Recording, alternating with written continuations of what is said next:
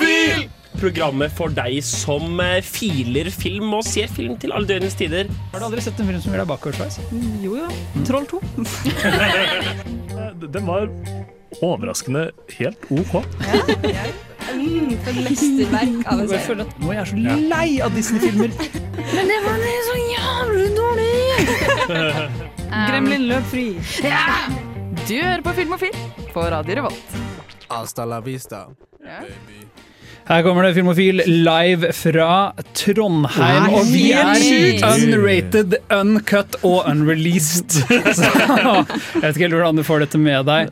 Det stemmer. Vi er det beste filmprogrammet som tas opp i Trondheim, og vi skal i dag snakke om Filmer som får uh, director's cut, unrated cuts, uh, sluppende filmer som ikke skulle bli sluppet, og filmer vi gjerne skulle ha sett sluppet. Vi skal selvfølgelig gjøre dette i forbindelse Zack Snyders Justice League, hashtag please take back the Snyder cut. Uh, det er jeg, Jaran, som er din uh, regissør som får sin visjon slaktet av studiohoden i dag som programleder, og med meg har jeg Sander. Marte. Og Jenny! Mange takk til alle dere. Jeg gleder meg masse å prate om eh, alt vi har sett siden sist. Det skal vi gjøre. Hei, jeg heter Roar Uthaug, og du hører på Filmofil på Radio Revolt. Det stemmer, du er stuck med Filmofil de neste to timene i livet ditt, og du har ikke noe annet valg Nei. enn å bli her og høre på oss prate om film. Som vanlig Studio så ba oss om å holde det til én en time, men vi gir deg the extended cut og legger til en hel time på sendingen. Så dette være hele sendingen? Ja. Sånn det er riktig. Ja. Dette blir unrated og, og overlangt og pretensiøst. Apropos ja, overlangt og pretensiøst, Sander, hva har du sett i det siste? Det er ting som ikke er eh, overlangt og pretensiøst. Jeg har sett Perfect. Parks and Rec opp igjen. Og det, det passa veldig godt for eh, personen jeg ser det opp igjen med. Hadde akkurat kommet seg gjennom første sesong, så jeg starter på andre sesong, som er bedre eh, på alle typer måter. Altså Den blir bare bedre til den når et platå på eh, sesong fire-ish. Eh, så så jeg, jeg, bare slapp å dra meg gjennom første sesong. Dette er en trend med ganske mange av de på en måte, store sitcomene. De eh, har ofte en litt røff første sesong. Simpsons første sesong er egentlig ikke noe særlig. Ja. The Office sin første sesong er også litt sånn ustabil sammenlignet med de senere. Som, Jeg er helt jeg. uenig, uenig i det. Men, Er du det, Martin? Ja, jeg, jeg elsker jo The Office. Ja, men første sesongen si at første sesongen er Ja, men jeg, jeg husker ikke forskjellen på de sesongene. Fordi det er bare, det er sånn, jeg så det på så kort tid at det er bare blitt en sånn Alt er bare én sesong. Det, alt er bare én sesong, Ja. og hele sesongen var Alt er bare The. Office. Alt er The Office. Det skal, Mark skal få det på en T-skjorte. Men jeg har også Yes, sett sånn Star Trek The Next Generation opp igjen, som jeg elsker. Og der også jeg det sånn første sesong. Det er litt røft, altså. Ja. Det er litt uh, wobbly.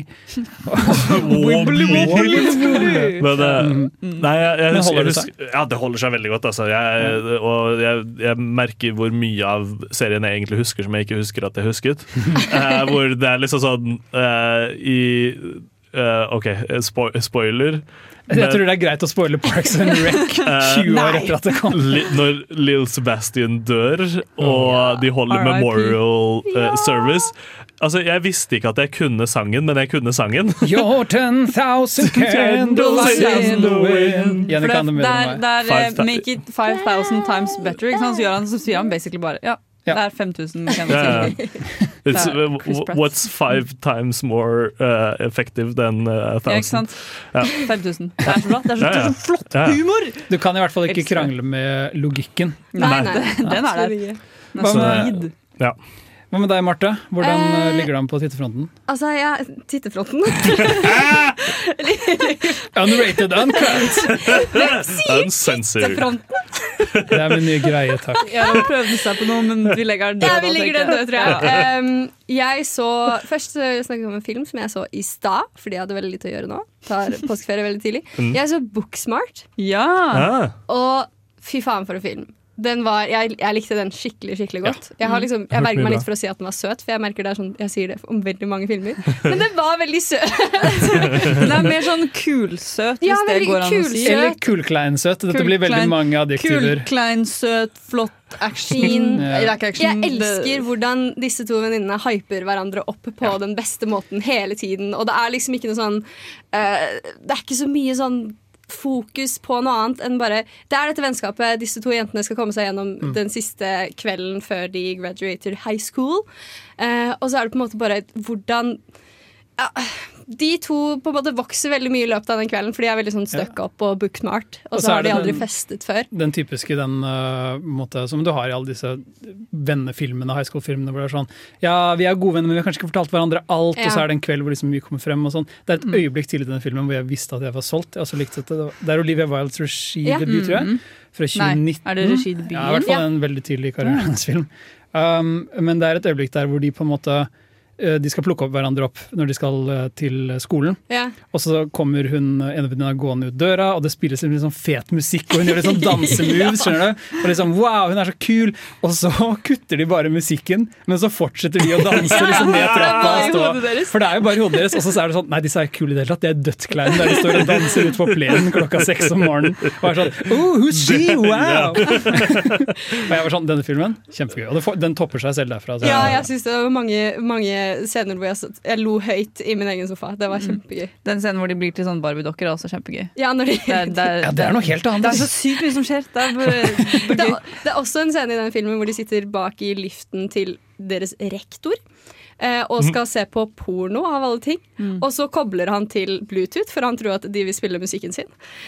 det, er, det er bare sånn essensen i hele den filmen. Jeg elsket det så Nice. høyt. Anbefales på det sterkeste. Vi anbefaler deg både å se Parks and Rec opp igjen og sjekke ut Olivia Wildes Booksmart. Det er to gode måter å tilbringe påskeferien på.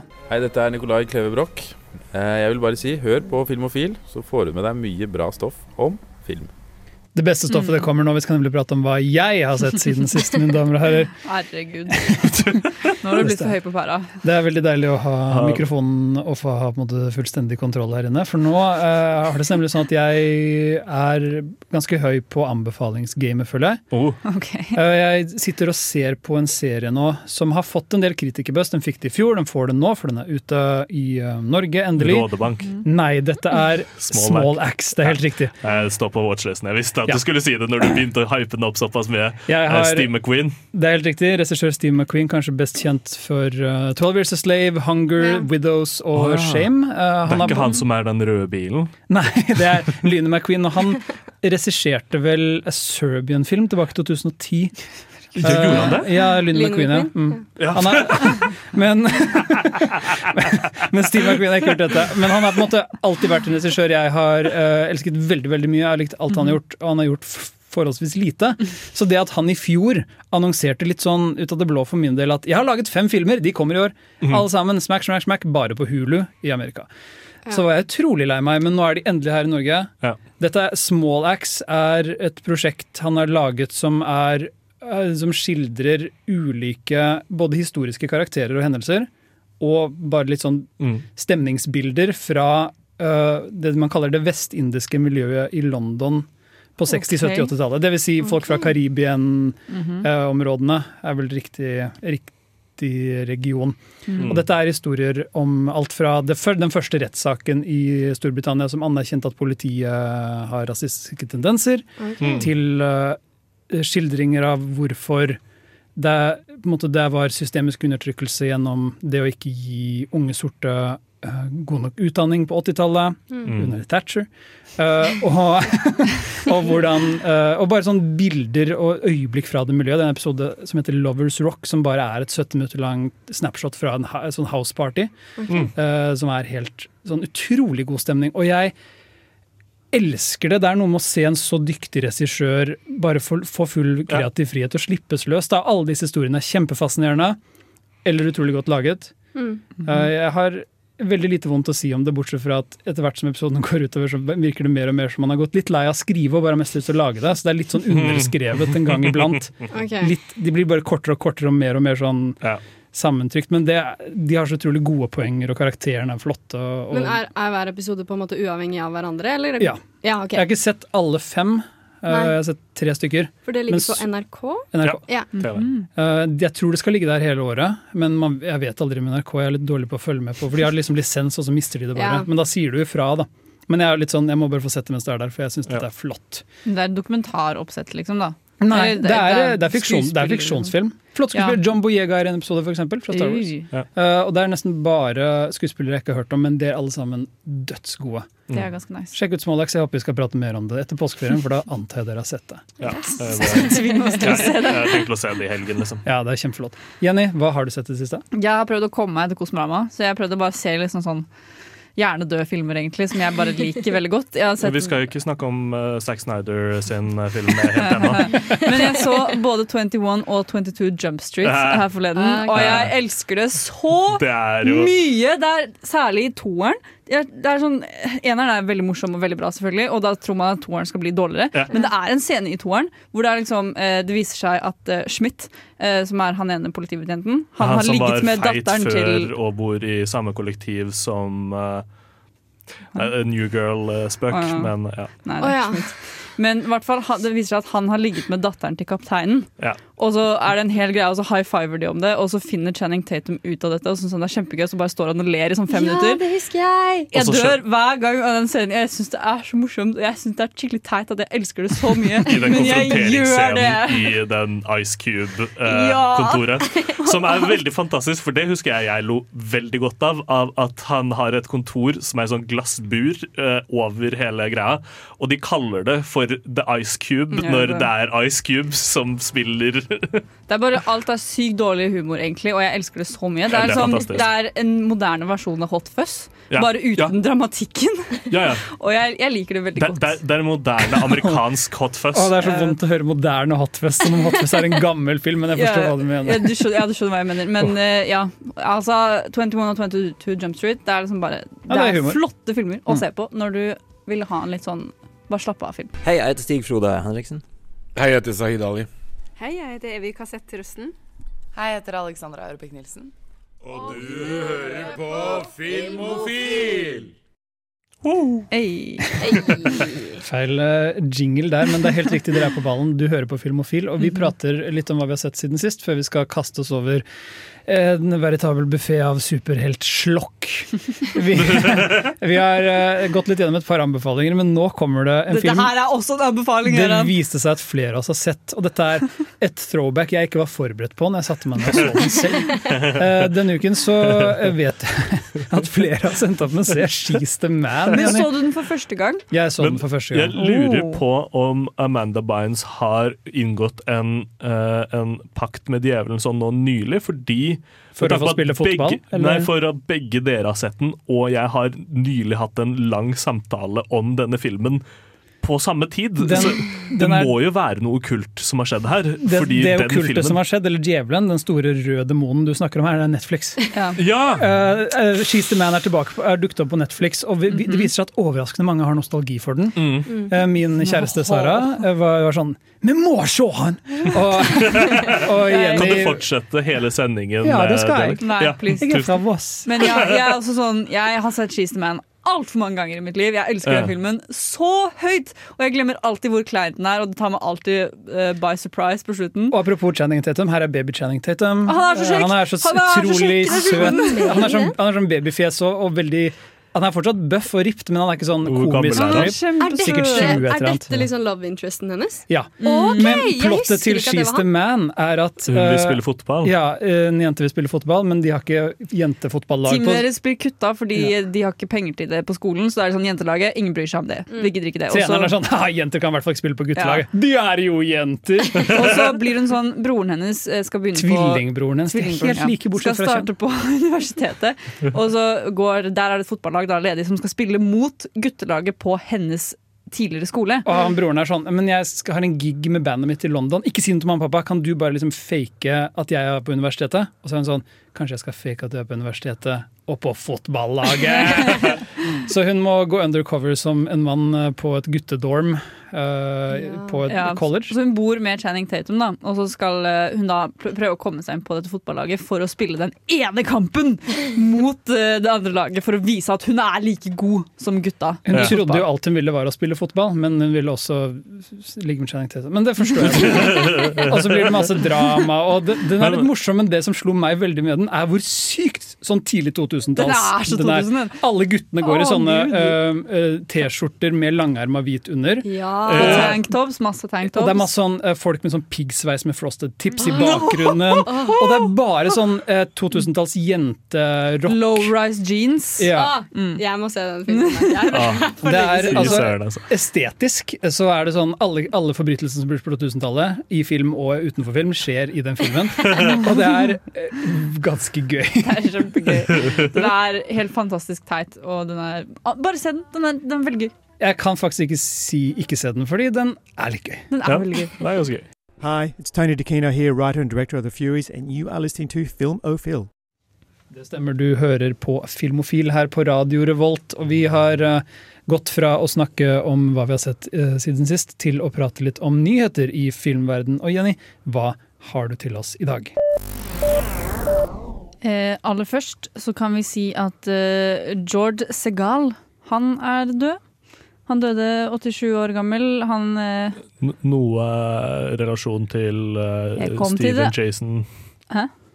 Jason eh, Segel, eller eh, Ikke- Nei, ikke Er det så mange, Segal. Seagal. er det så mange Seagulls der ute? Jeg tror det, Seagulls. det er, vi hører de hele tida.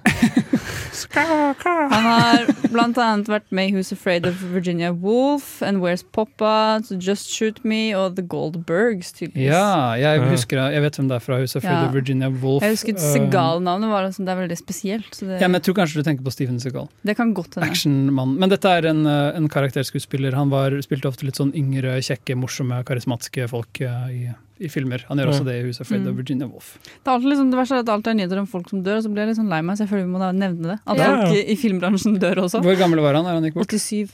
Han døde med komplikasjoner av eh, Covid. surgery. Ja, han har Ja. sett før. Mhm. Ja. Oh, rip. Til noe mye mer spennende, som er en nyhet jeg fant her i sted. Det kommer en ny versjon av Scott Pilgrim. Ja, jeg så det! Oi. Gøy! Ja, det Er kommer hvor- mye nyheter Altså, hva hvem er knyttet til? Det er ikke noe nytt, nytt liksom. Ikke få altfor mye hype. Jeg hyper fordi det bare er Scott Pilgrim. Den skal komme tilbake til, til, til eh.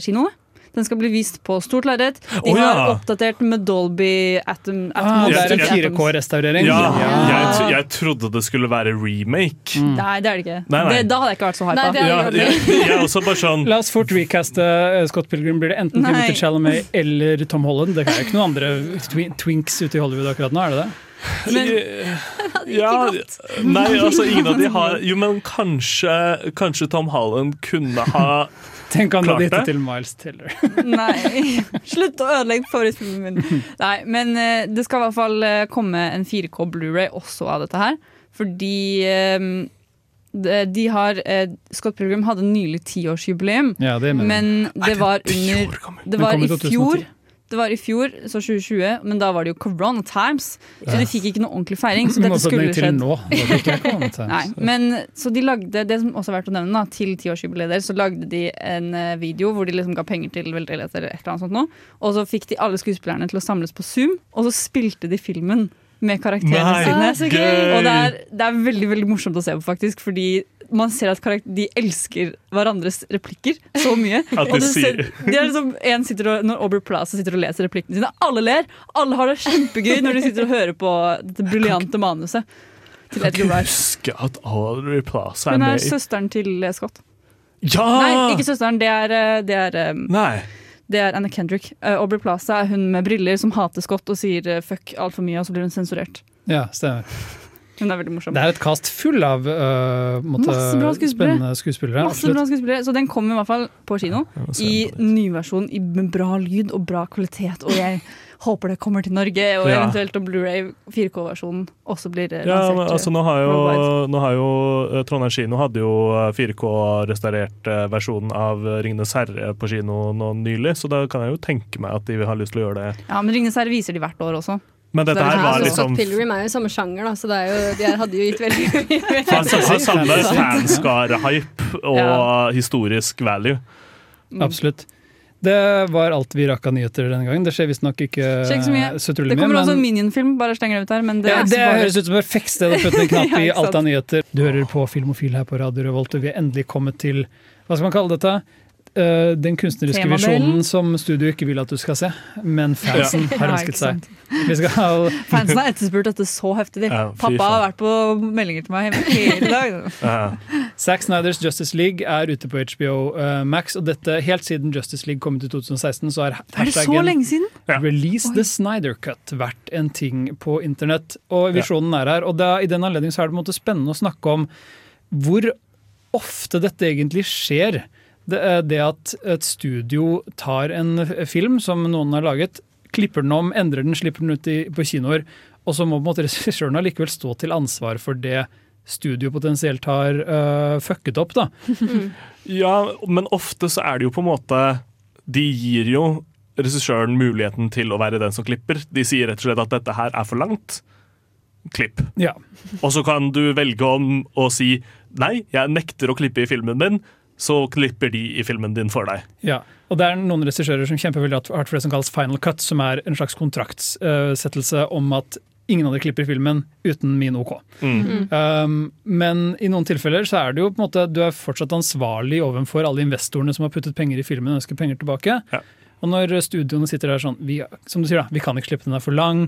Vi tror ikke folk vil se en film som har denne slutten. Mm. Alle disse tingene. Så blir man så er, handler det egentlig litt om hvor hardt man er villig til å kjempe for sin egen visjon, og hvor mange kontraktsfestede rettigheter dere, man har. da. Og hvor mye klipping har å si for en film, egentlig. Så utrolig mye. For det er, det er så sjukt det, kan, at klipping har så Vi tenker ikke så mye på det, men det har jo veldig mye å si for hvordan filmen er. For den kan, det kan være en shit-film, bare du klipper den om litt. Grann, liksom. Mm. Fjerner én scene som gjør at hele filmen gir mening. Liksom. Ja, det kan være så det, er, det skal så utrolig lite til. Men det er også som du sier hvor, hvor, lang er for lang, hvor lang er en for lang film, da? Mm. Tarantino hadde f.eks. Hateful Eight og Once Upon a Time in Hollywood ute i sin karriere nå mot slutten. De er jo kjempelange, Mm. men fordi studio har nok tillit til han, så får de lov til å være så lange. Ja. Mm. Mens hvis det kommer liksom en jypling som ingen har hørt om før, så skal filmen være utrolig god for at studio tør. Ja, og så er det noe med det at nå, hvert fall, fordi før så føler jeg de aller fleste filmene var på sånn en og en halv time. Mm. Eh, Ja. Rundt 1 time og 45 minutter, liksom. Men nå har det blitt mer vanlig at filmer er på sånn to timer. Ja. Så da er det, det blir på en måte Jeg er veldig redd for at vi går i en sånn tid i møte hvor det er sånn Ja. at filmene bare blir lengre og lengre, og det er på en måte vanlig. For det gidder jeg ikke. Jeg gidder ikke å se på fire timers filmer hver Jeg, dag. jeg gjør det hvis de tenker over det. Altså Hvis de legger inn typ en intermission. At det, det er bare sånn Mm. Her, ta og sett pa- eh, filmen på pause. Gå ut, gå på do, ta en pustepause, ta deg en røykepause, kom tilbake. Hateful løyt hadde det, hadde den ikke? Sånn- Den hadde en intermission, men bare på en spesialvisning. Ok. Ja. jeg tror disse overlange filmene kanskje rett og slett er, det er nok et sånn superheltsymptom. Avengers Det er uh, er nok ja. litt ansvarlig for at disse blir det for lange. Etter 'Ringenes herre', så klart. Og da. Det har på en måte vært en økende trend. Ja, hallo, ja, du. Trondheims eh, vakre fjell og Nidelv ja, Det er Tore Renberg her. Dette er studentradioen i Trondheim, og du er jævlig heldig som hører på den. Du hører også på Filmofil, og du er kanskje ikke like heldig som hører på oss, men du får i hvert fall de ferskeste materialene når det kommer til bonusmateriale, ekstramateriale og byggemateriale. Vi snakker nemlig om eh, alle mulige kutter og varianter av en film, fordi den versjonen du ser på kino er ikke alltid nødvendigvis den endelige versjonen av filmen. Og et director's cut kan være så mangt, men av og til så kan det bare føles litt som et bonusmateriale, egentlig. Ja. for det er mange filmer som gjør sånn eh, Når vi sier, For å starte litt mildt da, i denne hele cut-greia i filmer, så er det jo du gir ut en film, og så har du gjerne liksom masse ekstramateriale som du skulle ønske du fikk med i filmen. Man men filmer da- som, gjerne, my, som gjerne mye, mye, mye mer Ja, enn og det, det, som kommer på det er jo tydelig ved West Snyder som vi skal snakke mer om senere. Liksom. De Mm. filmer jo helt ekstremt mye greier. Så vil man jo ha med dette selvfølgelig i filmen sin hvis man er stolt av det. Mm. Og da er det jo, sånn som Ringnes her er jo et prakteksempel på dette. Hvor det er liksom, du har filmene, men så har du eh, noen scener som Peter Jackson har lagt til etterpå i Extended Edition, som ikke gjør noe Hvor Peter med Jackson aldri klarte å bestemme seg for hvor han hadde lyst til å avslutte serien. Ja. Nei, eller- For han hadde liksom tolv utkast av avslutninger på trilogien, og så tenkte han Vet du hva? Hvorfor ikke release alt? Alle etter hverandre, hvor du tenker nå fader den til sort, nå blir det slutt. Å nei da, det ble Men, det men de mange avslutningene på Atter en konge er også kinoversjonen. Jeg tror kanskje det er én ekstra i Directors Cut, Men Peter Jackson er på en måte litt kongen av uh, alt dette, altså slettede scener, rett og slett. Fordi Mm. han får ikke nok av slagscener, monsterscener, Mm. sekvenser, comic relief. Så han, uh, 'Ringenes herre Directors Cut' er betydelig lengre filmer enn ja. enn theatrical-versjonen, uten at de nødvendigvis endrer så mye av det filmen egentlig er. Det er bare mer. på en Nei, måte. ja, for det var det jeg egentlig var midt i å si.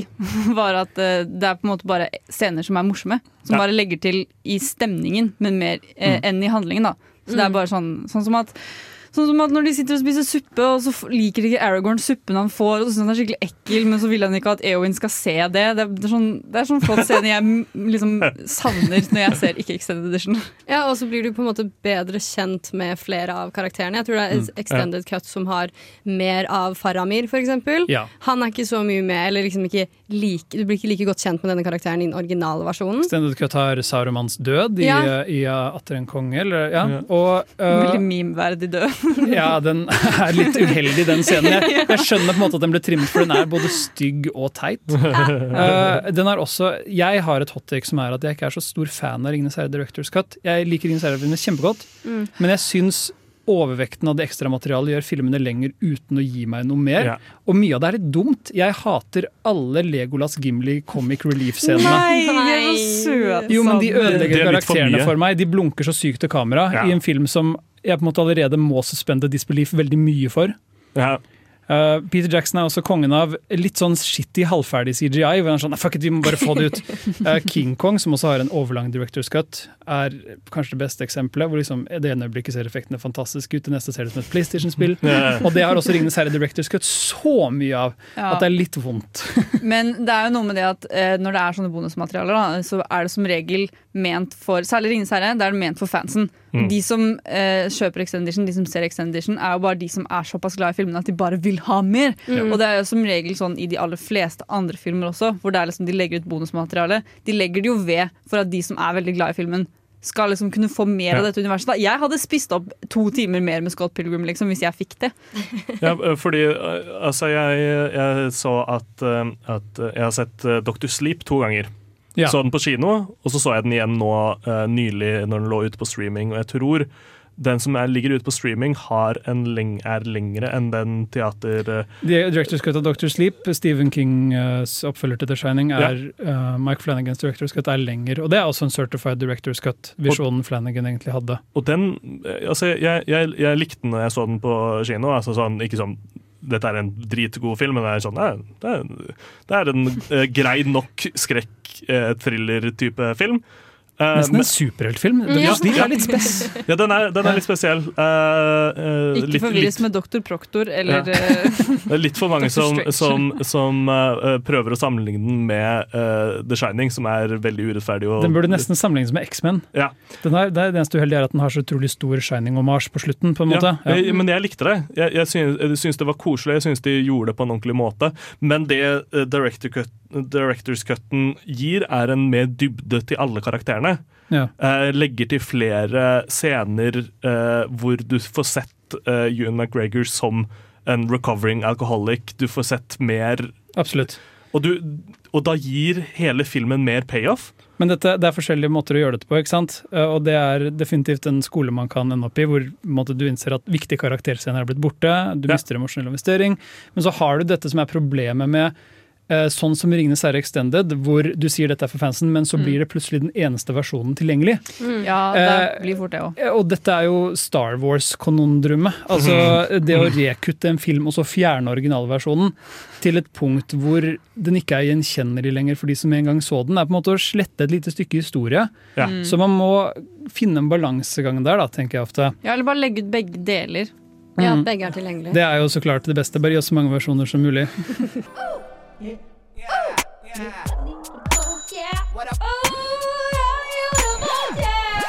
er Torstein Hyl, og jeg hører kun på Radio Revolt. God stil! Det er god stil, og det er også god stil å høre på Filmofil. Det er det. Det er det. Vi eh, er her i dag for å snakke litt om eh, både det gode og det vonde som kommer når man lager en film, og all prosessen bak scenene med det å få en film ut. For det er ikke sånn at man bare lager en film og slipper den ut. Alle må bli enige om hvilken versjon vi skal få se Mm. på kino. Og vi snakket litt eh, så vidt om eh, måte, det det vil si å kunne gå tilbake til en film i ettertid og legge til litt bonusscener her og der, som kanskje var for lange på kino, men du kan få de på DVD eller Blu-ray. Men av og til så ender det opp med å gå på kino og se en film som antagelig ikke var noens plan. Mm. Og det er som regel resultatet av at studio bare har gått inn og Vært bitcher. Ja, klippet filmen sønder og sammen. Ja. Eh, De syntes den var for lang, de likte ikke slutten. Reshoots er en ting. Ja. Det er en ting. Noen sier bare nei, denne scenen må endres, fordi det som skjer i denne scenen kan vi, vil vi ikke Eller vise. ta vekk en viktig scene, og så er det sånn Ja, men dere må bare finne på noe nytt med den. Ja. Som de spiller nå. Ikke sant. Der finnes, eh, altså, listen er lang, da. Og i utgangspunktet så er det sånn som den første Blade, Blade Runner fra Mm. 1984. Når den kom ut opprinnelig, så hadde den en løpende voice-over. Og en hel Mm. rekke scener manglende. Og den ble mottatt ganske dårlig i sin tid, og mange har skyldt på, på en måte kalt theatrical-versjonen den verste versjonen av denne filmen. Mm. Um, uh, Terry Gilliams Brasil hadde vel en lykkelig slutt, tror jeg, når den kom på kino uh, tilbake i 80-tallet. Mm. Um, men disse filmene har vi på en måte fått se andre versjonen av senere. Mens filmer som uh, Wes Cravens Cursed har man aldri sett. Det er uh, historien om en varulv i Hollywood.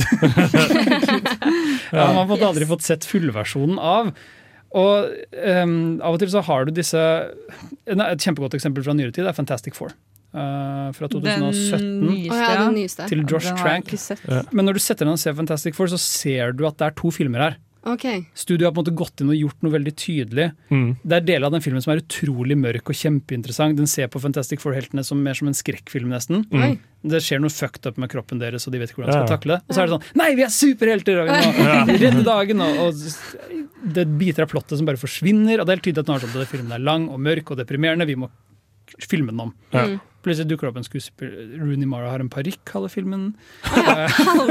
Ja, Fordi hun ville ikke klippe endre ja, håret sånn, sitt igjen, liksom. Ja, ja. Så når de fikk den tilbake for reshoot, så måtte man endre det. Ja, litt som eh, ja, vi skal snakke om senere også, med, Absolutt. med Henry hår, Cavill's ja, Ja. hår som ikke kunne fjernes, eh, så derfor måtte digitalt fjernes. Mhm. ja. Er ikke han eh, Weinstein Er ikke han litt notorisk for dette? Å Weinstein-selskapet gå inn og på en måte ta over visjonen til regissøren og klippe det til sånn at det passer deres visjon framfor regissøren. Ja, har vi Weinstein kjent for å være en som bare vil ha det sin måte, Ja, og presse presser folk til å få seg sin, sin måte? Miramax er kjent for å være et studio som roter veldig mye med regissørens visjon, absolutt. Men de har også gjort ting eh, som kan ha lønnet seg. Det er jo den tingen man på en måte aldri får vite. Man får først ofte Mm. høre om dette når avgjørelsen blir synlig og flau. Mm. Mens man får aldri på en måte høre om de som er sånn Nei, dette var en felles avgjørelse. Den ble ganske bra. Mm. Det kan godt hende noen av de mest berømte øyeblikkene i filmhistorien er resultatet av en veldig kollaborativ prosess, men Mm. da er det ikke alltid folk har så lyst til å dele kreds. Eller så er det eh, at, ja, som du sier, at det går motsatt vei. At eh, det ender opp med at kutten hjelper filmen til det bedre også. Jeg leste at Leon den var jo originalt mye mørkere og mye mer sånn, det var mye mer dicey med forholdet til uh, Natalie Portman og eh, Leon. da. Ja, enda mer seksuelt Det var enda mer seksuell, liksom. Oh. Og tenkte dere, Se for dere den filmen! Oh. Den er allerede litt shady sånn som den er nå, men det går på en måte fint fordi det er en veldig Ja, jeg vet ikke hva jeg skal si. Den, Ja. den funker på en måte bare, da. Ja. Men den var Ja, nå, originalt nå, tenkt nå er det liksom mye verre. Nå er det litt sånn uh, up in the air. Er det liksom uh, Ja, det, det, det, det er liksom Man kan, man kan Mm. trekke linjer og si liksom Ja, det kan virke litt her og der, men hvis det skulle bare vært explicit, Ja. litt sånn oh, Ja, nei. så det har jo virkelig hjulpet ja, filmen, da. det, Ja. ja, det hadde satt hadde sittet med en Leon Fordi Leon er en avsmak. sykt bra film. Den er dritbra film nå, ja. Mm. Hadde fått skikkelig avsmak i munnen hvis det hadde Ja, vært Ja, tror du noen studie, i sånn, En studieeksekutiv sitter der og er litt sånn Nei, dette, dette blir feil. Og så har de som sagt vi må trimme sexen. Og sex og vold er jo noe av det første som ryker. Ja. Fordi man vil som regel alltid ha en lavere aldersrangering. Ja. Eh, Ja, fordi er ikke det, Jeg føler liksom Jeg husker uh, Jackass og American Pie og alt sånt. Jeg har sånn uncut-versjoner og sånn som kom senere, hvor de la til liksom na mer Ja. nakenhet og Fordi friheten du får på DVD, eller på home media generelt, Ja. er jo at uh, det er ingen som er bekymret for hvem som kommer inn på kinoen og ikke. Nei. Så da er det bare pøs på med blod, vold, gørr. Så det er som regel der du får et unrated cut. Ofte så vil studio kalle dette directors cut men så er det aldri regissørens visjon, nødvendigvis. Nei. De har bare lov til å kalle den en director's cut. Så hvorfor kalle den unrated når du kan kalle den director's cut? Skylder på regissøren. Men det er også noe med unrated cut og alt mulig sånt, da, som er liksom sånn Man kutter det fordi man skal ikke ha så mye blod og gørr, men når de da eh, lanserer den med blod og gørr, så er det sånn Dette er den sjukeste filmen noensinne! Versjonen du aldri så! Masse vold og blod! American Psycho er ikke eksempelet som er sånn. Unrated så er det legit fem ekstra sekunder med blod. Og så hyper de så sjukt opp, og så ja. Ja. Hei, jeg er eh, Agnes Kittelsen, Og jeg er Aksel Henning, og det er viktig at eh, dere hører på Filmofil. filmofil.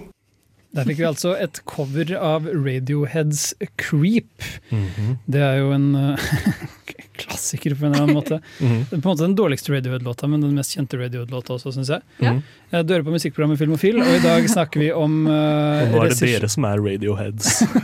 Oi, oi, oi. Oi. Regissører som uh, kanskje kanskje ikke får sin visjon fullført. Mhm. Vi skal snakke om en av de minst kjente regissørene av de dårligste filmene der ute akkurat nå. Det er nemlig viktig å nevne en litt sånn pussig tradisjon som har oppstått i Hollywood. Mm. Regissøren Alan Smithy er en mann som har laget en del filmer, men ingen har sett. Mhm. Har dere sett en Alan Smithy-film noen gang? Tror faktisk ikke det. Jeg tror ikke jeg har, det. Den historien var liksom helt ny for meg. Da Ja, jeg, jeg, er også, jeg har hørt historien. Jeg har aldri sett en eh, film med det navnet. Jeg har hørt eh, konseptet, liksom, eh, og, og så videre. Og jeg synes konseptet er dritfett, for det er jo rett og slett at en regissør som da merker at det mister, mister eh, eh, kontroll på, på prosjektet sitt, og ser at dette her kommer ikke til å bli noe jeg har lyst til å ha navnet mitt knyttet til. Mm. Så derfor setter de da eh, Alan Schmidt i, eh, som, uh, som regissørnavn, sånn at det ikke er knyttet til den regissøren eh, som in Ja. question. Da. Og det, det er et dritkult fuck you til uh, uh, studio.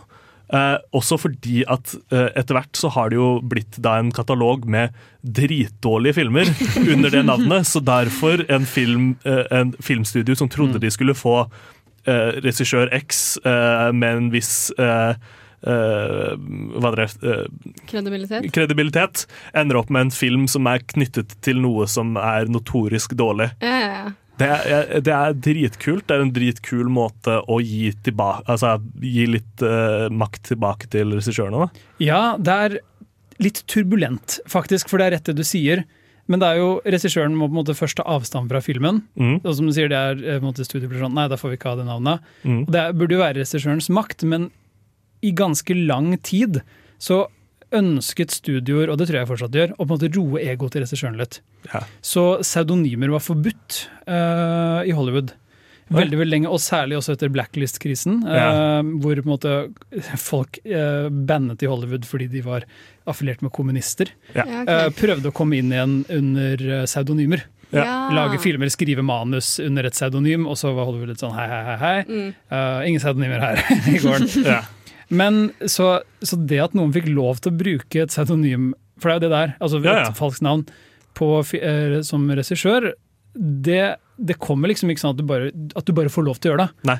Um, det. Det krever faktisk at filmen skal være såpass skuffende at regissøren ikke kan stå for den i det hele Nei. tatt. Mm. I tillegg så må, for at man skal kunne få gjennomgått dette, at, man skal, liksom, faktisk, at filmen skal hete Alan Smithy, så må de eh, fram foran et panel av eh, folk av Directors Guild of America Mm. og fremstå, liksom, fremme sin sak i Ja. hvorfor de mener at Ja. filmen har kommet ut av The deres kontroll. Council of Shit Er det, ikke, er det også noe med at de kan ikke ha gått offentlig før de søker om dette pseudonymet Ja. og hata på sin egen film, Fordi da må de da igjen stå for det de har lagd? Ja. De kan ikke bruke det negativt. Ja. Mm. Eller det for å dekke til noe de allerede har sagt. Hvis du allerede har snakket liksom, dritt om filmen, så får du ikke Ja. ta navnet ditt av den. på Nei. Nei. Det gir jo mening, jeg skjønner jo det, Fordi da er det på en måte eh, Da har du allerede tatt avstand, Ja. og du må liksom stå litt for det og forholde deg til det. Du kan ikke få i pose og sekk, på en måte. Nei.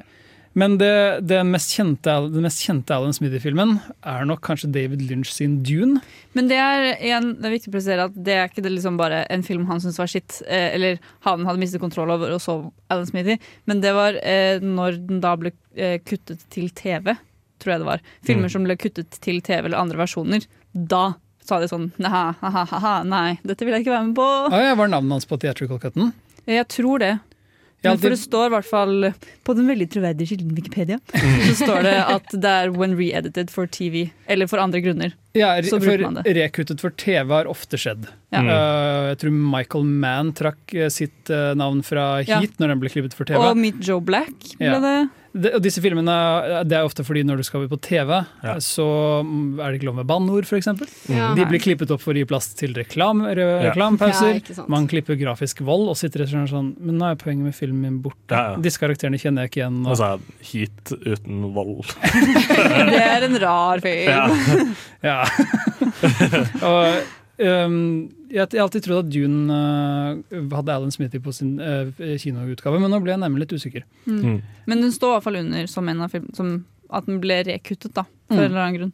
Men det, det er jo kjent eller theatrical cutten av Dune og directors cutten av Dune som kom i senere tid, er på en måte to vilt forskjellige filmer. Mm. Uh, betydelig lenger. Jeg tror det er snakk om en Mhm. ekstra time og halvannen som er lagt til. Ja. Uh, så jeg tror i hvert fall at det var en, en skuffende og vanskelig opplevelse for David Lynch uansett. Mm. Stakkar David Lynch. Jeg tror sist gang vi, har ikke, vi ser det ikke så ofte, fordi som dere sier, så er nok terskelen for å bruke Alan Smithy ganske høy. Mm. Har, uh, Og så var det bare brukt mellom sånn 1980 og 1999 eller noe sånt. ja, jeg tror det, er det avskaffet nå i 2000? Tror det. Kanskje. Eller har det bare blitt brukt i det siste? Kanskje det fordi folk bare har kommet bra filmer i Bare bra filmer! Jeg trodde egentlig alltid at Josh Trank ønsket det på Fantastic Four-filmen, fordi den er Mm. altså et makkmerk. Ja. Og på den, ingen måter hans film lenger, tror jeg. Kanskje han gikk ut og hata på den, og så fikk han ikke Ja, men han gjorde det på Twitter. Han Ja. postet en litt sånn berømt Men jeg, tweet. jeg føler det Ah, liksom har blitt veldig vanskelig å nå det kriteriet fordi man har Twitter og man Ja. Kanskje drikker seg full en gang og bare sånn Fuck, helvete! Jeg er så sur på at jeg ikke har kontroll over filmen lenger. Så derfor uh, shitter jeg på den på Twitter. Ja, eller jeg tror det med at den var mellom 1980 og 1999, kan godt hende altså at det var da det var mest vanlig brukt. Men Ja. sånn som dere sier, da, at det er litt vanskeligere kanskje nå å få gjennomslagskraft til å få bruke det nå også. Jeg vet ikke, det er i hvert fall det det står på den trøyde skilten Wikipedia. Vi er eh, prisgitt eh, andre folks informasjon når vi skal snakke om eh, det kronglete Hollywood-systemet. Det er en labyrint. Ja. Det er det. Det er, det er jo en, en labyrint av eh, arten uh, i Harry Potter og ildbegeret som forandrer seg og har sånne sånn vine som går ut og snører deg inn og Og I tillegg så risikerer du å bli seksuelt antasta. Det er Ja, helt ja, ja, umulig å forholde seg til. det Men det må jo være utrolig trist. Jeg vet ikke hvordan det fungerer når de får satt Alan Smith som et pseudonym. At de på en måte mister De må jo miste alle inntektene. Som de, altså royalty som de skulle Hvis du fått. er Oh, da er det bare en. Alan Smithy som finnes der ute, som får alle Ja. Det pengene. er Alan Smith Det er en fyr som har, en fyr som har bare sett dette her i trenden, tatt og endra navnet sitt og søkt om uh, Jeg tror også du mister retten til å snakke litt om produksjonen. ja. en Ja, måte, det gjør du jo. Til en viss grad. Det gir jo mening. Du må sikkert Ja. signe en sånn non-disclosure. jeg tror det bare er rett og slett bare sånn du, du, du, du signerer med dette her for å bare aldri bli spurt om denne filmen. Mm. Jeg tror en film som kunne ha tjent på Som nesten fortjente å ha Alan Smith i navnet, uh, fordi den endte opp med flere regissører, er eh, Justice League fra 2016-17. Ja. Ja. Den skal vi snakke om nå etter at vi har hørt Mm. Open World av Daniel Santiago. Så bli her for å høre vår anmeldelse og samtale om Zack Snyders Justice League rett etter dette. Kapittel 1. The Age of Filmofil. Stemmer. Vi eh, er kommet til eh, samtalen om Zack Snyders Justice League. Filmen er fire timer lang, og vi er her bare i en halvtime til. Ja. Så dette blir mye å dekke på en gang. Spenn fast setebeltene, hopp inn i Batmobilen eller Wonder Womans usynlige jet, og la oss begynne der. En jet som uh, fantastisk nok ikke er usynlig, men var usynlig på 84, i uh, 1984. Ja, hvor er flyet til Wonder Woman i Russland? Nei, vet du hva, la oss Ja. begynne på starten. Uh, Sander, hva Man of Steel kom ut. Så kom Batman vs. Supermann, Ja. og da var det på en måte veldig tydelig at DC uh, Warner Brothers hadde en plan for et Cinematic Universe. Og dette Sånn skulle, Marvel. Ja. og dette skulle på en måte veldig veldig fort rushes ut og bare Ja. knyttes sammen i Justice League-prosjektet. De, de ville ta istedenfor å kjøre Marvel, hvor de ga alle en film og så Avengers, så ville de ha De ga jo To- ikke alle en film hver da, før Avengers. Jeg tror ikke Nei, men nesten. Thor hadde nesten. Jo, Thor hadde før Avengers. ja. det var noe ja. Men- ja. Black men- Widow er den eneste Avengeren som ikke hadde Ja. standalone-film før Hawkeye. Avengers. Ja, Hawkeye. var Hawkeye. Men uh, uh, Så de ville ha liksom ut uh, Justice League for å sette opp de andre filmene som kom senere, altså Aquaman og Ja. uh, Wonder Woman uh, var vel før Justice League? Nei, det var Nei, kun Batman vs. Supermann og, og Man of Steel. Så den eneste karakteren som var ordentlig introdusert, var Supermann. Og, Var det det? Ja. Ja, og Zack Snyder, som på var ansvarlig for DC-prosjektet. Jeg vet ikke om dette var hans ønskeplan, eller om på en måte Warner Brothers ga han egentlig en litt umulig oppgave, som Ja. er introdusere minst fem karakterer Ja, ja. i én film.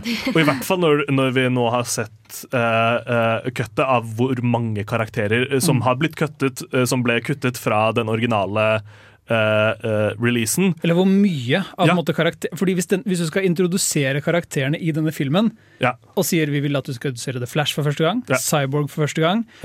Aquaman for første gang, og Wonder Woman egentlig første gang, så Uh, Og så Men sier de og hinte til uh, eller, uh, Green Lantern og eh, Martian Manhunter. ja, og guder og alt dette. Ja, ja. Og sette opp alle disse universene som skal være så trutur. Og så er det sånn, og sette opp Darkside som fremtidig skurk. Og så er det sånn Men den blir for lang. Da har det på en måte gitt Ja. han en umulig oppgave, tenker jeg. Du har det. Men det ble jo, vi så jo Suicide Squad bare hvor dårlig det kan gå når man skal introdusere masse Ja, karakterer i en den film. kom før Justice League! Ja. For det er, det, er jo, det er jo litt sånn Den introduserte heldigvis Jared Letos Joker, da, så vi For kunne forholde oss til det. Ingen hadde jo noen filmer da heller. Da skulle de introdusere masse karakterer, og det gikk jo, som Ja. vi vet, ganske Altså, dårlig. Justice League prøver å uh, la oss alle oppleve Avengers når du ikke har sett noen andre Marvel-filmer. Eh, for hvis du har prøvd å dra med deg noen som aldri har sett en Marvel-film på Avengers-film, uh, så sette- syns ikke den er noe Sett på Age of Ultron for noen som ikke har sett Ja. Avengers Ja. før. Det er en jævla clusterfuck. Så, en helt annen verden. så ikke sant, han, uh, Zack Snyder han jobber på denne filmen, han prøver sitt beste, eh, og så eh, er det datteren som blir syk. Ja. Ja, Så han, han føler at han har ikke, han har ikke tid og, og mental kapasitet til å fortsette. Så han, han sier opp som regissør, og Josh, Josh Joss Whedon, mannen eh, som har egentlig kjørt Avengers-prosjektet i fase 1, Han regisserte både Avengers Age of Ja. Ultron. Tar over. Så de tok Og det er godkjent av Zack Snyder. Han er på en måte innforstått med det. Han Ja. sier 'jeg stoler på Joss'. Ja. Men studioene sammen med Joss Whedon de eh, slapp en to timer versjon av den omtrent fire timer lange filmen Ja. Zack Snyder hadde filmet, med altså massive reshoots. Ja, ekstreme reshoots som kom også veldig langt altså det, det er vel rekord i uh, fra uh, rap til reshoot Ja. uh, er vel på denne her, tror jeg. Hvor Henry Cavill skulle spille inn en ny film. Man hvor from han, Uncle, hvor han ja, hadde bart. Ja. Ikke sant? Så, Eller er det så- Mission Impossible? Jeg husker ikke. Ja, jeg husker ikke heller. Han har ikke bart i Man from Uncle. ja, men han har i hvert fall bart. Det er flere andre problemer og, osv. ved å forvente at folk skal være i samme fysisk form, samme alt sånt der, så lenge etter at Mm. eh, eh, filmen har uh, gått ut. I tillegg til at Josh Whedon fra, uh, fra eh, den æraen av Avengers er langt fra Zack Snyder sitt eh, syn. Det- Ja, jeg tror også studio ønsket seg en lysere versjon. En, en morsommere, mer Marvel-vennlig versjon. Så den Justice Leagueen som måtte komme ut, eh, den to timer lange Justice Leagueen, har, trim, er trimmet ned, men også den er veldig sånn oversaturert. Alle fargene er veldig lyse, som gjør at Men- kostymene ser veldig veldig teit ut. Men uh, i tillegg til det så er det jo en god del av scenene som er fra Zack Snyder sin, uh, sin uh, versjon. Som da det, det er veldig tydelig å se hvilke som er Zack Snyder i måten det er skrevet på, måten Ja. det er uh, gitt uh, uh, hva skal man si direction til skuespillerne i forhold til reshootene. Hvor ja, det, det, det, det er en clusterfuck av en film. Mm. Så dere Justice League på kino når den Ja. kom ut? Jeg tror jeg så den etterkant Nei, jeg så den på kino. Ja, jeg så den på kino. Jeg så den på kino. Jeg har litt sånn morsom Fordi jeg trodde jeg hadde sett den, eh, og så begynte jeg å se Snyder-cutten. Og så innså jeg at det var jo ikke den, det var jo Batman vs. Supermann. Så når det starter med at eh, Kan man spoile Ja, kan åpningen til Snyder ja, At Supermann er død. Så tenkte jeg jo å ja, fuck. Har han liksom flippa hele filmen fordi jeg trodde det var Batman vs. Supermann jeg så. Så jeg var sånn Er dette frampek? Og så skal de kutte. Og så gikk det jo ganske lang tid, og så skjønte jeg at dette har jo ikke jeg sett før. Så dette var jo første gang jeg så Justice League. Fordi Joss, det blir på en måte Nå som vi har Snyder-versjonen og den andre versjonen, så blir det nesten Joss Whedons Justice League Mm. og Snyders Justice League. Det er jo, han gjør jo poengene bare av å kalle den på IMDb. Hvis du søker opp Justice League, så kommer det opp Justice League og The Zack. Snyder uh, Snack, The- det- det- den- Zack den- Snyders og, League. og League. introen og avslutning så står det jo Zack Snyders Justice League i samme størrelse på Ja. fonten. Det er så in your face skal det være at dette Ja, er hans. Men det er jo mest liksom Det er i tittelen også, liksom. Ja, ja. Det er liksom såpass er han sånn Dette her er mitt! Ja, Ikke det andre tullet. Det er en, jeg så et intervju hvor han ble spurt om han hadde sett den selv, og han sa nei, kona mi gikk og så den, uh, og sa at du, du må aldri se denne filmen. Uh, så det er vi er alle sammen enige om at Justice League uh, tilbake da bombet på Ja. kino, Mm. og fikk utrolig dårlige anmeldelser. Og var egentlig ikke en god film, men det var også en film som skrek reshoots. Ja. Den, den var på en måte så tydelig to toner som klasjet, sånn Ja. som Sander uh, sier her. Helt ekstremt da. Og det er kanskje erkeeksempelet på en, sånn, en Ja. film som bare har blitt slitt i stykker av studioene. Mm. Ja. Nå har vi lagt eh, grunnlaget, vi vet hva som skjedde. Vi skal ta og fortelle deg hva vi syns om den nye versjonen. For et program i burra med både klasse og stil. Du hører på Filmofil. Stemmer du hører på Filmofil, og vi snakker om Zack Snyders Justice League. Den Oh. fire timer lange versjonen Yes. av, lange versjonen. av Justice League. Og, uh, Martin Scorsese. Scorsese snur seg i stolen sin. ja, han snur seg bort fra Fran Leibowitz i hvert fall og snakker om dette. Det er, er det cinema, Marte? Hæ? Er det cinema? Zack Snyders Justice Did you League. come? Jeg syns det er cinema. Ja. Uh, det er, Supermann er jo død. Hvis vi skal gå gjennom, vi kan gå gjennom plottet. Ja, la oss begynne. Eh, så Supermann er død. Batman eh, skjønner at det kommer til å komme flere problemer. Så jeg må assemble the forces. Han er bare sånn 'Jeg klarer ikke å gjøre dette alene, yeah. please help meg'. Så han har hatt en character arc fra Batman vs. Supermann hvor han er sånn ah, Nei, Supermann er jo den farligste tingen jorda kan oppleve. Og nå er han sånn Fy faen, Supermann var den beste tingen vi hadde. Det er mye skumlere romvesener der ute. Supermann er det verste som kan skje til uh, jorden. Uh, nei, han er den eneste som kan beskytte oss Ja. fra uh, Det var sånn det var, ja. Eh, og det viser seg jo å være rett, fordi at idet uh, Supermann dør, så eh, så aktiveres disse uh, motherboxene. Ja, og det er jo da tre bokser på jorda som er gjemt hos atlanterne. Er det vel jeg vet Three ikke, rings Atlantis, to the- altså Aquaman-universet. Og De som er The. Amazon, altså der Wonder Woman er fra, og så er det The Box of Men. And one was given to the race of men. La meg bare si at The denne long lost box of men. La oss bare begynne rett på det at uh, Justice League, uh, Zack Snyders Justice League har også et uh, pacing- og strukturproblem. Fordi denne motherbox-forklaringen kommer omtrent halvveis inn i filmen. Ja, ja, ja. Uh, eller en sånn en og en halv time inn i filmen. Uh, før det så er man litt sånn, Hva er egentlig greia med disse boksene? Jeg skjønner ikke helt. Det, er ikke som Ringenes herre som åpner med eksposisjonen. Nei. Det får bare en dump etter at de har hatt 90 Ja. minutter med karakterintroduksjoner. Ja, alt det. det, er bare sånn, ok, Noe kommer til å true jorda, og så skjer det litt sånn En motherbox blir aktivert, og så Ja. begynner du å se liksom en uh, Tupperware uh, Steppenwolf uh, bad guy som uh, er ute etter å samle disse motherboxene for å på en måte Mm. ødelegge jorda, fordi han skal ødelegge alle universer som de kommer over. Det er Ja. basically hansken og de eh, powerstylene i Marvel. Thanos-stemning. Ja, det er Ja, ja. veldig Thanos-stemning. Men, men eh, der Thanos gjør det for å uh, skape balanse, så er Darkside, som er Thanos i DC-universet, uh, enslaver alle planetene han drar til. Han er på en måte bare slem for å være slem på mange måter. Ja. Hans, hans favoritting er å være slem med andre. Ja, En, en ting hos eh, Thanos som jeg syns er dumt at de har kutta fra bøkene, er jo at han gjør dette her for å eh, impresse Lady Death. Vi må, vi Men, må eh, nesten holde oss ja, på Zack på Justice Zack Fordi dette er ikke alt som skjer i plottet. Nei, altså de skal jo da samle inn alle disse menneskene som de finner som har superkrefter. Mm. Så de finner jo da uh, The Flash, spilt av Ezra Miller. Jeg syns dette er en fantastisk Flash. Jeg synes han passer så bra til den karakteren. Mm. Uh, og så møter de også Cyborg, uh, som er da en gutt som har blitt Robot. eh, robot. En eh, gutt, av faktisk. Slår han deg som en gutt? Han er jo, han er jo på high school, Det er, han er det er litt mer sånn uh, attituden hans Ja, som er er litt sånn sant. Han er litt sånn «Wah». angsty, Ja, litt sånn angsty. ja. Angsty teen. Veldig, veldig sur på pappaen sin. Og, Ja. ja.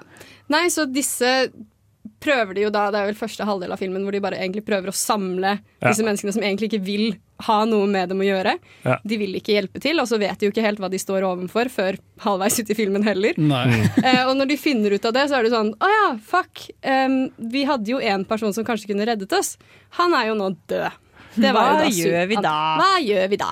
Kan jo, uh, Batman gjennom hele første delen av filmen føles litt som han som har lyst til å holde party, men ikke er kul nok. Så han spør alle og sier at come to my ja, party? eh, har du lyst til å komme? Uh, Wonder Woman er i hvert fall med. Og så vent, går han til Wonder Woman. Uh, Aquaman er med. Uh, så hvis du blir med, så er det, det er akkurat det det føles ut som. Det er Batman første halvdel, og Batman andre halvdel er sånn shit, vi trenger en smart, smart person på dette gruppeprosjektet. Vi klarer ikke å gjøre det alene, for det er Ja, ja. at vi trenger Supermann. Jeg savner vennen min. Vi, vi klarer ikke dette alene, vi trenger en smart kid. Ja, ja, De gjør alt de kan for å heller prøve å finne den smarte kiden enn å Enn å gjøre oppgaven, det selv. Det er to måter å snakke om Zack Snyder's Justice League på. Som en film for seg selv, og som en film sammenlignet med 2016 Justice League. Mm. Den er jo klart bedre enn 2016 Justice League. Ja. La oss bare få det unna veien med en gang. Ja. Denne filmen har ekte karakterer med motivasjon, den har struktur, den har plott, alt, alt i mening. Det gjorde det ikke i den originale. Den er litt mer, litt mer uh, artistisk, hvis det er lov å si, Ja, den, er en, den er en sammenhengende visjon, i hvert fall. Ja. Om det er en god visjon, er en annen sak. Ja, ja, men det, det Estetisk som man har et greie. Så synes syns jeg den er dritkul. Uh, den, uh, den er presentert i 4-3-format, som gir en for meg en følelse av å lese en comic book eh, med Ja vel, ja. comic book-ruter. Ja, for det sto jo sånn på starten at den er vist i 4-3-format for å fremme Zack Snyders Ja. visjon. Jeg sånn, mm. Ja, her er Zack Snyders visjon. Dette syns jeg er komisk. Um, Zack Snyder uh, filmet Justice League uh, I IMAX. til Imax-format, som er det største formatet du kan få. Mm. Og det er ikke sånn at du ikke kan konvertere Imax til um, um, 16.9 eller på en måte et mm. godt letterboxa format. Men uh, når, Og reshootsen har heller ikke noe med det til å gjøre, men han sa uh, selv at på en Imax-skjerm så vil 4.3 bruke så mye som mulig av Imax-lerretet. Denne filmen skal aldri vises på lerret! Den er laget for å slippes på TV! Ja. Zack Snyders argument er denne tar opp mest mulig plass på skjermen, men bare på kinoskjermen. Her er, ikke skal vises. la, meg, la meg slippe i et format som tar opp minst mulig plass på TV-en din. Jeg syns det ble litt slitsomt. Jeg så også en sammenligning mellom uh, Theatrical og Snyder Cut. Ja. Og det er veldig tydelig at de har reframet scener, og det ser du gjennom hele filmen. Den følelsen at det er så jævlig mye plass over karakterene. Det er så utrolig mye himmel og dritt sånn. Det er nesten så du ser en boom-mic av og til. Men, men det Men er det også så blir så veldig sånn ekstremt rart, fordi Ja. karakterene havner så lavt nede i bildet. Det Men ser veldig det er så mye som føles ut som bare sånn Sett på pause og så skiss over, så har du et comic book-panel, liksom. Mange eh, seksjoner hvor folk går ned en eh, gate, og så er liksom bygningene litt sånn rart uh, vinkla bakover, og uh, altså en shot hvor Aquaman står på en brygge, og bølgene slår inn eh, symmetrisk rundt han, og ikke sant? Det det er så mye av det. og når de er i Gotham og, og Batman står på gargylen akkurat sånn som han gjør i alle coverne han har noensinne gjort. Altså, det er jo en mye mer enn en uh, fanservice til, til uh, uh, tegneseriene enn det den første var. Dette er Snyder-stilen du beskriver nå. Det Ja. Zack Snyder ønsker å gjøre. Ha denne kon konstante sånn mimikken av tegneseriebilder, masse slow-mo. Mm. Filmen har et utrolig rart soundtrack. Hva syns dere om Jeg Snyder-stilen? likte det. Jeg likte det veldig godt. Ja, altså Stilen kan jeg ikke si noe på. Det er, mer, det er liksom bare handlingen jeg syns var gørrkjedelig allikevel. Så ja. den, har et, den har et vanskelig manus å forsvare. ja. Jeg liker det de har klart å få til i motsetning til den første. Sånn typ at de, har fakt de viser at det, det hadde en plan. At Ja. filmen hadde de skulle Ja, ja. nei. Men den planen er jeg ikke helt enig i. Det er en del øyeblikk i, også i Zack Snyders Justice League hvor jeg satt og så den med noen venner, og alle bare satt sånn Hæ? Mm. Det beste eksempelet må være Nå kommer det noen spoilers i dette stykket. Uh, Martian Manhunter dukker opp Ja. to ganger. Og alle som ser denne filmen, kommer til å si Hvorfor det? Ja. For det første så ødelegger det en scene fullstendig. Ja, en veldig dukker- fin scene. En flott scene. Som bare avsluttes med å bare sånn Hæ? Vi så- Skal vi du så ikke to gi meg noe ja. mer info her? Vi så to karakterer ha flott, eh, en flott scene med, hvor begge to utviklet seg litt, og så tar du det fra Martha Kent for å si at hun Ja. ikke var der. Mm. Eh, Så kommer han tilbake senere i en helt meningsløs epilogscene som bare er dustete fanservice. Ja, jeg syns hele den epilogen var bare jeg, jeg likte ikke den i det hele tatt. Nei, den, den uh, berømte Jared Leto-epilogen Ja, fy eh, faen! er noe av det jævligste jeg har sett i år. altså, det ødela så mye for meg. For jeg, jeg likte den filmen her kjempegodt. Jeg likte hvor mye Men- tid de ga til f.eks. Cyborg Ja, ja. og til uh, The Flash. Og at Jeg, jeg merka ikke at filmen varte i fire timer. Jeg koste meg. Oh, ja, jeg, jeg jeg. fikk vondt i hodet. Ja, jeg, jeg koste meg skikkelig gjennom hele filmen. Jeg var sånn, Dette er det jeg vil at DC skal være mye mer i forhold til Marvel. For det er Mm. Ikke, den der, det er ikke vittige kommentarer til enhver tid. De prøver ikke å liksom Mm. skape denne popkulturen på samme måte som meme-kulturen som Marvel gjør. Og det syns jeg denne filmen fikk til. Ja. Mye bedre enn Jeg, jeg, syns, jeg syns det med det, mine tanker om, om uh, Zack Snyder sin, sin uh, Justice League er først og fremst at han kunne godt ha hatt uh, et studio bak seg som ba han om å kutte litt.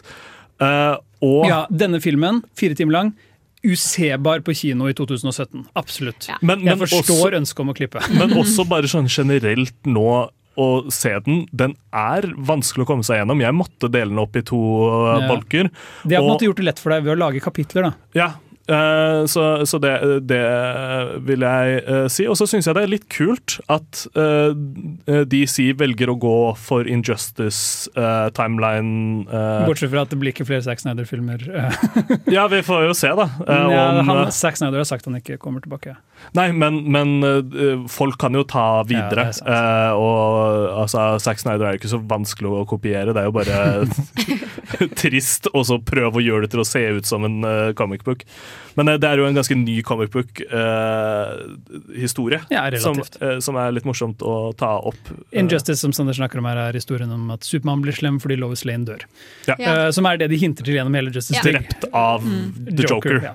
Lois Lane is the key, etc. etc. Ja, ikke sant. Eh, jeg, jeg syns, som dere sier, at det er på en måte Stilen er ikke gal, men den er litt slitsom til tider.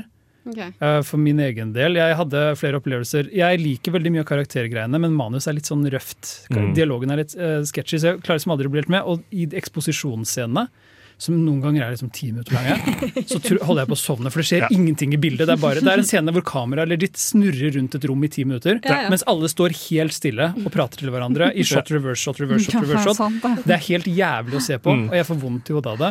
Og så etter det så har vi actionsekvenser hvor som er altfor mørke. Mm. Så det er helt umulig å se eller forstå hva som foregår i bildet, syns jeg. Jeg tror du har dårlig skjerm, jeg, så ja. hadde ikke noe problem med det. Jeg, jeg har en bedre skjerm enn jeg hadde før, men du kan jo ikke si mot at f.eks. Den, øh, den klimatiske actionscenen når Batman kjører rundt i bilen sin, er sånn Du føler jo ingenting, for du, du ser egentlig ikke noe ordentlig. i, i Chernobyl-greia. Ja, ja. Nei, men, Som også var en eh, rar crossover mellom Tsjernobyl og Ja, Uh, HBO, vet du. Nei, men jeg, jeg har ett spørsmål. Hva faen var det flyet som hadde lyst til å fly? Hva slags rar sånn Hva var det flyet? Vi har ikke tid til det. Vi, det er så mye, vi, kunne, vi kunne hengt oss opp i så mye rart. Vi kunne også snakket om det fantastiske øyeblikket der Wonder Woman kutter av Steppenwolfs hode i lufta. Ja, det var ganske tøft. Men vi må heller bare avslutte med å si eh, Justice League, yay or nay? Jenny? Nei. Marte? Yay. Sander? Nei fra Jaran. Det er en ganske splittet 50-50-filmfil, Ja. på Filmofil, så du får nesten bare velge selv om du orker å se den samme filmen du så i 2016, bare Enda lenger. og mer sammenhengende. Du hører på Filmofil, og nå er det tid for én, to, topp tre! På Radio Revolt. Og vi, vi snakker selvfølgelig om filmer eh, som har fått ulike directors cuts etc. etc. -hmm. Så i, den, eh, i temaets ånd så har jeg slengt sammen en liten topp tre av et par eh, alternative visjoner av filmer jeg gjerne skulle sett. Oh. Og på nederst på lista så er eh, regissør Tony Kays egentlig versjon av American History X. American Ah. History X er en film Tony Kay, regissøren, hadde ønsket å ha Alan Smith i navnet på. Fordi Var det? han sier selv at Edward Norton tok over filmen min. Og jeg er veldig nysgjerrig på jeg, jeg vil egentlig ha dem bare for å sammenligne, så jeg kan forstå hva var Edward Nortons visjon. Ja, og, og hva var Altså, hva var det? Var det da en Var det mer, mer- sympatisk ja. nazist, eller en mindre sympatisk? Var American History X på en måte bedre eller verre? Jeg er veldig Du har nysgjerrig. bare lyst til å dømme Edward Norton, egentlig. Uh, ja, jeg, Ja. jeg elsker Edward Norton på alle de ekle tingene han gjør. Ja. Eh, så klart, på andreplass er Hashtag release the nightmare cut av Sonic the Hedgehog-filmen. jeg har ikke sett Sonic the Hedgehog-filmen, men, altså. men hvis jeg skal se den, så hadde jeg vært mer motivert hvis den originale CGI-modellen av Sonic var i filmen. Fra eh, trailerne som kom i 2018. Eller 19. Jeg håper, de, jeg håper de gjør det bare for at fansen er litt sånn for lættis. Ja, det er veldig dyrt for lættis, men det har vært veldig gøy. Ja, ja, de ja, lagde jo filmen, da. På førsteplass er en film jeg virkelig har lyst til å se, nemlig Sam Raimis originale versjon av Spiderman 3. Dere har kanskje sett Spiderman 3 med Tobey Ja, ja, ja? Filmen kjent som Finger Guns. Ja, Så lenge den scenen er fortsatt med, så er jeg med å se den. Det som greia med Spiderman 3, var at Venom var aldri planlagt å være en del av filmen. Men symbi... Eh, Nei, ikke symbioten eller noe som helst. Å, ja. Det skulle handle om eh, at Spiderman måtte ta et oppgjør med Sandman, eh, som Ja. drepte faren hans. Det mye bedre. Og, og forholdet til Harry som blir Green Goblin, spilt av James Franco. Ja. Ja. Uh, og så skulle den på en måte også hoppe mye lenger frem i tid, så vi skulle få en litt eldre, mer voksen Spiderman. Det, skulle Ah. være- det skulle ha mye flere skurker allerede introdusert i bakgrunnen, typ Ryan og Mysterio etc. etc. Og Sam en måte, han har så utrolig god stil. Jeg liker så utrolig godt nesten alt han gjør. Mm. At jeg skulle veldig gjerne sett den utgaven av Spiderman 3. Men den gang er Hei, mitt navn er Atle Antonsen. Du lytter til Filmofil på radio Revolt, og det gjør du helt til programmet er ferdig. Og der ble vi ferdig. Ja. Takk for at du hørte på i dag. Mm. Det har vært utrolig hyggelig å følge med deg hele veien gjennom denne Det Du høres bare ut som du prøver altfor hardt, Cut. Jeg håper du vet det. Ja. Du høres bare ut som du gjør narr av alle som har dialekt. Jeg vil si til alle som har Ja, men at det- det gjør jeg. Dere, dere er morsomme for meg, jeg er bedre enn dere. Ja, ja, de er jo latterlige personer, de som har dialekt. Vi har tatt en liten prat om Zack Snyders Directors Cut av uh, The Avengers denne uken, holdt jeg på å si. Ja. Og det er, det bare å uh, spole tilbake og høre på, enten du er på DAB, på uh, nettradio eller i, i podkast. er. Eller vil høre det på nytt fordi det var så sykt spennende. Rett og slett. Det er nemlig slik at vi tar muligens en liten påskeferie neste uke. Ja. Det er ingenting planlagt, men bare bli eh, på Radio Revolt. Det er alltid kvalitetsinnhold. Og de som er ansvarlig for det, det er selvfølgelig Sander! Marte! Jenny! Og av og til Jaran. Bare av og til, da. Takk for For følget. Vi snakkes. God påske. God påske!